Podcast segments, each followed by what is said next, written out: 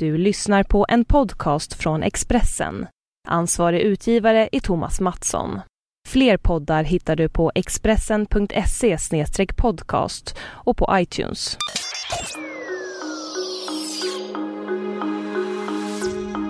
Det här är Expressen Dokument och dagarna som skakade Sverige. I det här avsnittet Tuveraset av Arne Lapidus som jag, Sebastian Parkila, läser upp. Klockan är strax efter fyra på eftermiddagen den 30 november 1977. Det är mörk och kall eftermiddag i stadsdelen Tuve på Hisingen i Göteborg. De flesta vuxna är fortfarande på jobbet. Många ungdomar och barn har hunnit hem från skolan. Plötsligt börjar marken röra sig under människor och hus.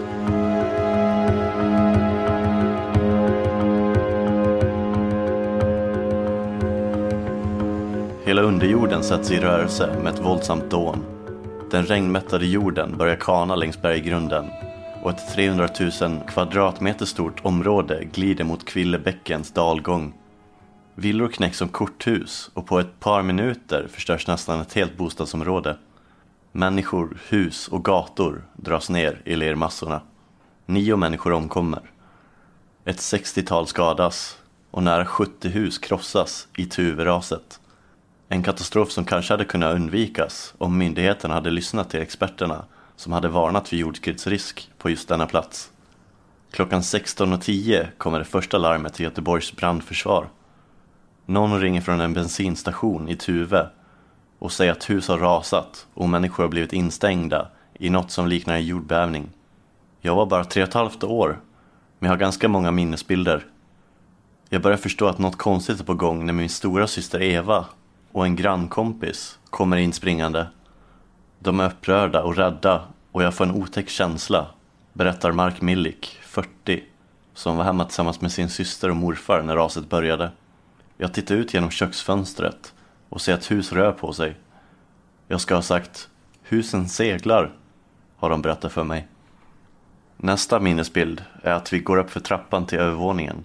Morfar bär mig i famnen och håller Eva i handen jag tittar över hans axel. Trappan faller isär bakom oss, säger han.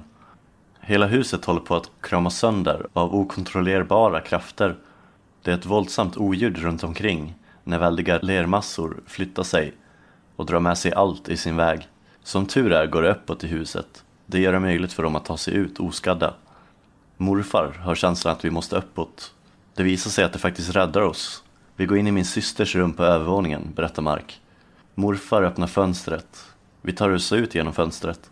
Huset har sjunkit ner i leran, så övervåningen är nu på marknivå. Han lyfter ut mig genom fönstret. En granne tar emot. Ute är det mörkt och massor av lera. Jag märker ett starkt ljus som lyser upp en asfaltsplätt i leran där massa grannar står. Senare har jag förstått att ljuset kom från helikopternas strålkastare, säger han. De står ganska länge på asfaltsplätten Husen, trädgårdarna, gatan. Allt är försvunnet i leran. Mark, hans syster och morfar och grannarna väntar tills räddningsmanskapet kommer. Vi går ut genom hela bostadsområdet. Brandmannen bär mig. Morfar bär på min syster. Det är vinter och kallt. Jag har bara t-shirt på mig, inga skor, säger Mark. Det känns som att promenaden aldrig tar slut. Det tar fruktansvärt lång tid. Jag har förstått att det bara var någon kilometer, men vi sjönk ner i leran. Till slut kommer vi fram till kanten av rasområdet. Där står en ambulans, berättar han. Expressens fotograf Sören Karlsson tog den klassiska bilden av brandmannen Hans-Olof Thorn som bär den lille Mark Milik. Den är en av symbolerna för den ödesdigra novemberdagen där naturens krafter plötsligt raserar ett fridfullt bostadsområde i Göteborg. Inför 30-årsdagen av Tuveraset berättade Hans-Olof Thorn, idag 64 år och pensionär, för P3 Dokumentär om hur han var med och räddade Mark Milik och andra människor ur rasmassorna. Han och hans kollegor är ute för att släcka en brand när de får order att åka till Tuve. Det första larmet handlar bara om att ett hus har rasat men brandmännen förstår snart att katastrofen är mycket större än så. Några människor har samlats på en liten asfaltsplätt med lera runt omkring. Där står de och kan inte komma någonstans. Vi får ta oss upp där och hjälpa dem. Det är väldigt besvärligt säger Hans-Olof Thorn 2007 till P3 Dokumentär. Det första jag tar hand om är en kille på 3-4 år. Han står med sin stora syster och sin morfar. De hjälper jag att sätta på fast mark. Det är en bit att gå, det är kämpigt. Vi går runt och letar efter människor. Vi ropar in i hus som är fallfärdiga eller har rasat ihop. Vi får ut rätt många från husen. En del är fastklämda visar det sig. De tar vi hand om senare, berättar han. Kyla, mörker och risk för nya ras gör att räddningsarbetet är farligt. En del människor räddas ur lergropen med hjälp av skarvstegar. Några stegar sjunker ner i leran och försvinner. Vi brandmän är ju inte mer än människor. Det är otäckt att gå in i de här lermassorna. Vi vet ju inte om de ska komma mer i lera och skölja över en. Därför jobbar vi i grupp hela tiden, säger Hans-Olof Thorn till p Dokumentär. För invånarna i Tuve, som ser sina grannar dö och sina hus förstöras, blir raset en stor, i vissa fall livsavgörande, upplevelse. Men för den pensionerade brandmannen är det bara en av många katastrofer och dramatiska händelser som han har ställts inför i sitt arbete genom åren. Tuve var för 37 år sedan. Jag är färdig med det. Det har hänt så otroligt mycket sedan dess. Jag har jobbat på larm och räddningscentralen i 30 år och det har varit utryckningar hela tiden, säger Hans-Olof Thorn till Expressen. Jag har jobbat med stora katastrofer och varit i tjänst på alla stora grejer. Vi var involverade i Estonia-katastrofen, branden på Scandinavian Star där 159 dog och Backabranden där 63 dog. Plus allt det där vanliga jobbet, säger han. Mark Milk minns hur Hans-Olof Thorn på starka armar bär honom i säkerhet. Han minns hur människor blir väldigt lättade när de kommer ut ur rasområdet och hur han själv, treåringen, blir lugnare när han ser de vuxnas reaktioner. En grannflicka, kanske tio år, sitter längst bak i ambulansen och gråter hysteriskt. Det tycker jag är väldigt jobbigt. Det gör mig mycket upprörd. Jag tänker att nu behöver hon väl inte gråta längre, vi är ju framme. Senare får jag reda på att hon grät över en ny tavla som hade förstörts, berättar Mark.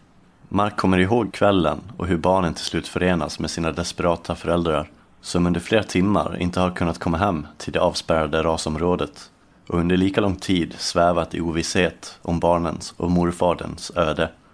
Men sen har han en minneslucka på veckor och månader. Vid ett tillfälle efter raset får vi återvända hem för att försöka rädda det som finns kvar innan ruinen jämnas med marken. Jag minns tydligt att man ser rakt in i mitt rum på övervåningen. Man kan gå rakt in i rummet. Bottenvåningen finns inte kvar. Den har sjunkit ner i leran, säger Mark. Vi hittar lite leksaker.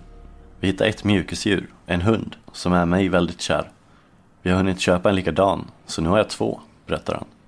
Han säger att han ofta lekte tuveraset när han var liten. Han byggde lektält, kojor och annat som gick att rasa. Idag är Mark Milik pilot och flygkapten.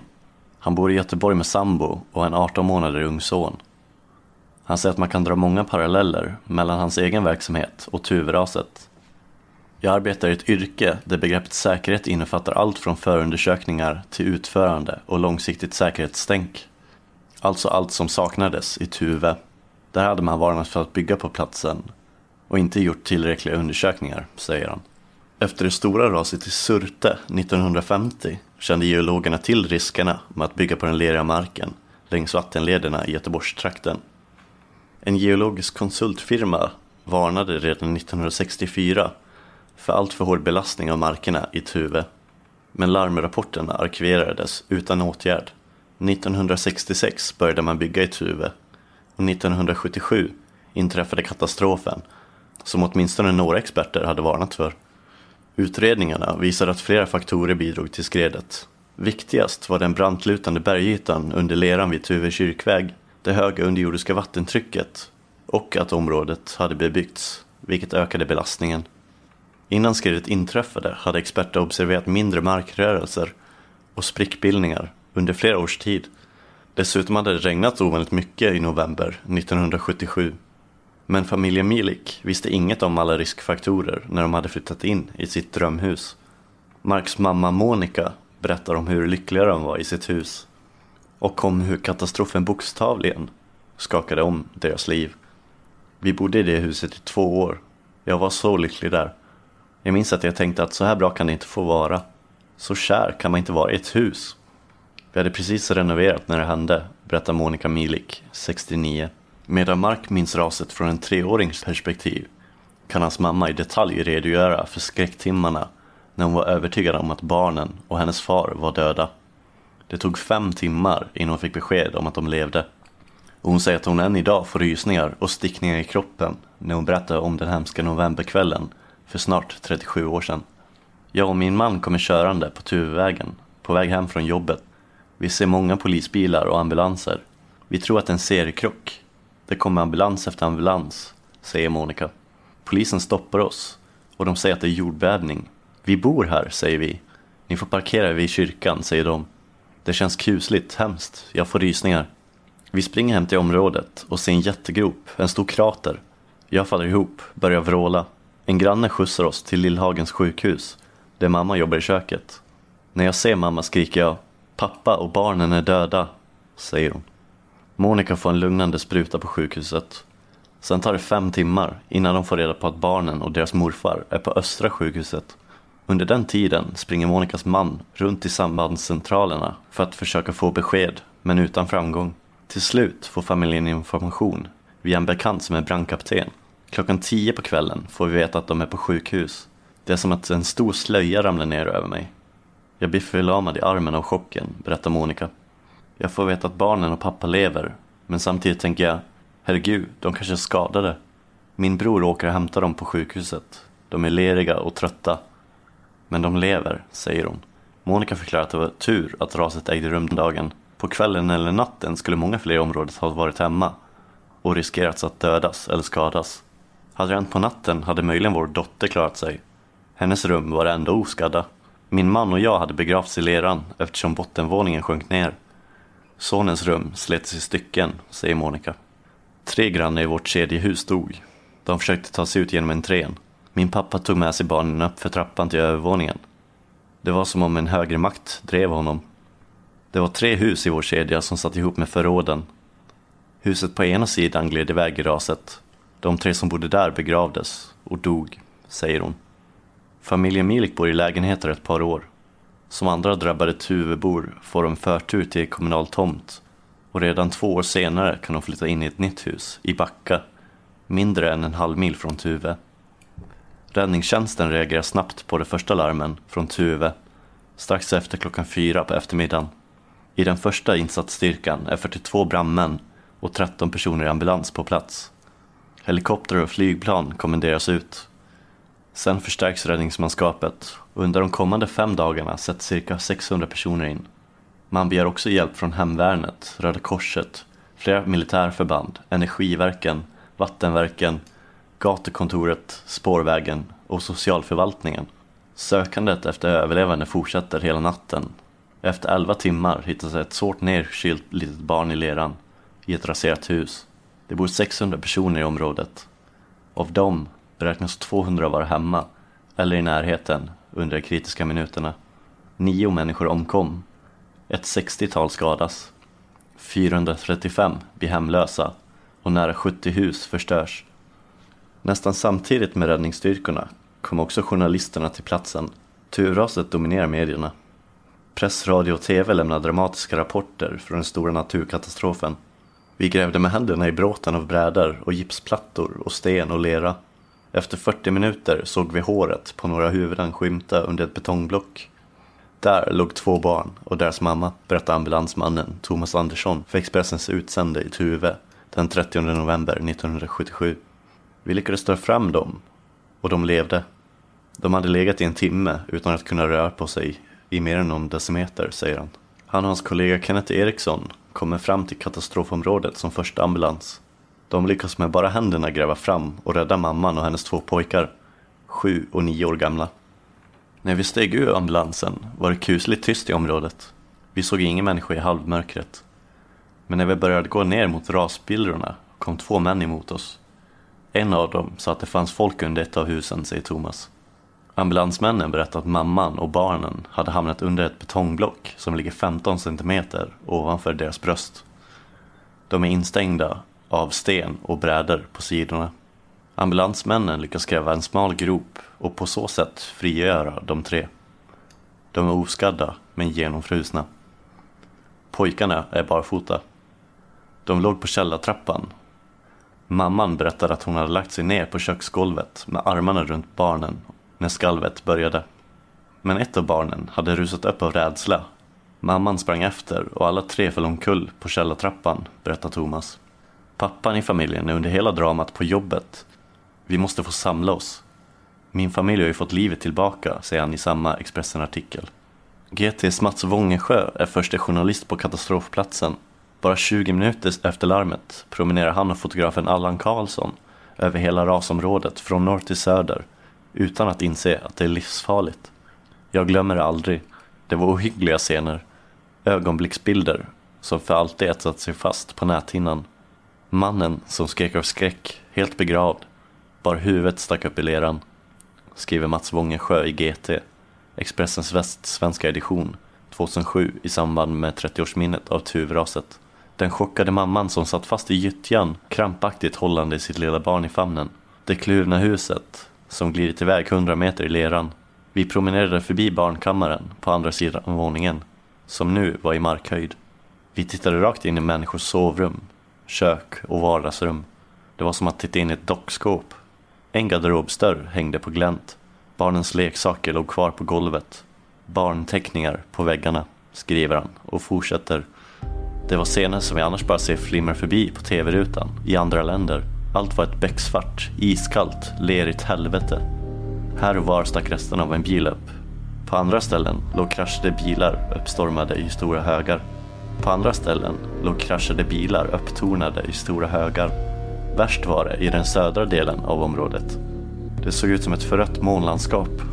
Där låg villor som kluvits i mitten och villor som hade sjunkit 15-20 meter rakt ner. Andra villor låg kastade i högar. Fullständigt krossade. Mats Wångesjö fortsatte sin ögonvittnesskildring. En grupp brandmän kom med sju chockade och gråtande barn som inte visste var mamma eller pappa fanns. En annan grupp brandmän höll på att gräva upp mannen som var levande begravd, men hade haft tur. Huvudet syntes. Han var vid liv. Helene Kainert har levt med Tuvekatastrofen i hela sitt liv. Hon var åtta år när familjens hus rasade över henne. Och hon säger att barndomsupplevelsen har påverkat hennes liv på ett avgörande sätt. Jag, min bror och pappa är hemma i köket. Min bror har precis kommit hem. Han har varit och spelat trumpet efter skolan. Jag har gått hem själv från skolan. Vi ska väl äta, berättar Helen Kainert, 45, keramiker och bosatt i Varberg. Plötsligt hör vi ett konstigt ljud. Det är ett våldsamt oljud. Det låter som hagel. Pappa öppnar ytterdörren, ser kaoset utanför och tror att det är en bomb. Vi tar oss ner i källaren. Det känns lite som lustiga huset för trappan rör sig kraftigt. Nere i källaren trycker vi oss mot den bärande väggen, säger hon. Källaren visar sig vara det sämsta stället. Den blir helt förstörd. Ytterväggarna rasar in. Vi hade kunnat stryka med. De hör grannarna ropa att de ska komma ut snabbt. De tar sig ut, hoppar mellan asfaltsplättarna som är kvar. De är i strumplästen och har inga ytterkläder. En granne springer in i sitt hus, som klarat sig, och hämtar jackor och skor. Vi står kanske fem minuter i källaren. Raset varar i två, tre minuter. Jag kan än idag höra hur grannarna ropar Skynda er ut innan huset rasar över er. Grannarna håller sig fast i en piskställning av metall. Det är ett väldigt starkt minne, säger Helen. Som på andra gator i Tuve samlas invånarna på de rester av asfalt där de kan stå utan att sjunka ner i leran. Vi bor på Snarbergsstigen. Det är en villagata. Vi klarar oss rätt bra. Ingen dog, bara några brutna armar och ben. Människor dog i kedjehusen och radhusen, säger hon. Jag blir väldigt ledsen över att min favoritnalle är försvunnen. Inte huset, utan gosenallen som är borta. Jag gråter senare, säger hon. De går ner mot stora vägen. Där finns polisbilar och ambulanser. De blir körda till kyrkan som är samlingsplats. Helen berättar att hennes mamma, som var på jobbet, hittar resten av familjen rätt snabbt på kyrkans parkeringsplats. Mamman har fått reda på att något har hänt i Tuve av arbetskamrater som har lyssnat på radio. Hon skyndar sig hem, möts av polisens avspärrningar och blir som så många andra Tuvebor oroad över vad som kan ha hänt familjen. Redan nästa dag är familjen Kainert som en av de första tillbaka för att se förödelsen i dagsljus. Räddningsmanskapet gör ett undantag och låter dem besöka spillrorna av sitt hem på den avspärrade katastrofplatsen. På en bild i Expressen från den dagen ses Helen tillsammans med sin bror Håkan och föräldrarna Denny och Göta gå hand i hand från sitt raserade hus. I ruinerna har de lyckats hitta ett hemarkiv, en trumpet och en kassettbandspelare. Vi är ändå lyckligt lottade. Hela familjen är oskadd. Och det betyder mycket mer än förlusten av alla materiella ägodelar. Dessutom har vi en bostad hos min mor, sa pappa Denny till Expressen den gången. Helene Kainert berättade att familjen först bor hos farmor. De får sen en hyreslägenhet i Tuve och därefter förtur i den kommunala tomtkön som alla drabbade Tuvebor. De bygger ett nytt hus i Backa, bara tre kilometer från det förstörda huset i Tuve. Vi flyttade in i november, efter ett år. Vi är snabbast. Vi är de första som har hus. Mina föräldrar bor där fortfarande, berättar Helene. Helene Kainert beskriver hur hennes barn och ungdom påverkades av de dramatiska minnena den där november eftermiddagen i Tuve. Jag förlorade min grundtrygghet i raset. Jag har aldrig känt mig riktigt trygg sedan dess. Jag drogs bort från vänner och grannar. Jag trivdes aldrig lika bra i min nya skola, säger Helene. Från det att det hände tills att jag blev vuxen så funderade jag mycket på hur det skulle ha varit om tuvraset inte hade hänt. Katastrofen triggade igång en osäkerhet, säger hon. När Helene går sista året i gymnasiet på byggteknisk linje har hon en lärare som har gjort en undersökning om hur olika typer av hus klarade sig i tuvraset. Han visade hur nära det var att vårt hus hade rasat ihop helt. Bara en tredjedel av den bärande väggen var kvar. Då, när jag var 19 år, insåg jag hur nära det var att vi hade dött. Då, mer än tio år efter raset, drabbades jag av posttraumatisk syndrom. Som vuxen har jag jobbat för att få bort det, säger hon. Helene bor med sin man och åttaårige son i ett hus som ligger på gammal havsbotten på 20 meter lera. När tunga fordon kör förbi så gungar marken och hon tycker att det är otäckt. Jag har berättat för min son om Tuve. Han är lika gammal idag som jag var då. Vi har bilder på hur det såg ut efter raset. Jag är tydlig med att det inte kan hända här. Vi bor visserligen på lera, men den ligger platt och åker inte iväg, säger hon. Enorma mängder av vattenmättad blålera kom i rörelse och orsakade skredet i Tuve. När marken och leran inte längre kunde absorbera mer vatten räckte det med att vibrationerna från till exempel ett tungt tåg eller till och med en lastbil i hög hastighet för att sätta igång skredet. Frågan om varför man byggt ett bostadsområde i ett område som vilar på så mycket lera har aldrig fått något entydigt svar. Men enligt myndigheterna blev Tuveraset en väckarklocka som starkt ökade medvetenheten om skred och rasrisker i Sverige. Regeringen beslutade efter Tuveraset att kartlägga alla riskområden. Det bildades en skredkommission för att ta initiativ och samordna forskning om skred. Idag finns ett särskilt statligt samarbetsorgan för alla de myndigheter som har ansvar för frågor som rör ras och skred i jord och berg. Och invånarna i Tuve kan idag känna sig säkrare. För att undvika nya ras där har hus närmast rasområdet förankrats i berggrunden med betongfyllda stålrör. 100 000 kubikmeter lera flyttades. En 108 meter lång kista fylld med 6 000 kubikmeter sprängsten förankrades med stålväggar i berggrunden. Och grundvattennivån kontrolleras regelbundet med hjälp av ett underjordiskt magasin. Raset har påverkat hela mitt liv. Först lärde jag mig en massa om hus och blev sen byggingenjör. Sen skolade jag om mig till keramiker. Jag bränner lera. Det är lite som att försöka behärska leran, säger Helene Kainert. Hela mitt vuxna liv handlar om hus och lera. Leran formade mitt liv. Nu formar jag leran, säger hon. Du har lyssnat på en podcast från Expressen. Ansvarig utgivare är Thomas Mattsson. Fler poddar finns på Expressen.se och på iTunes.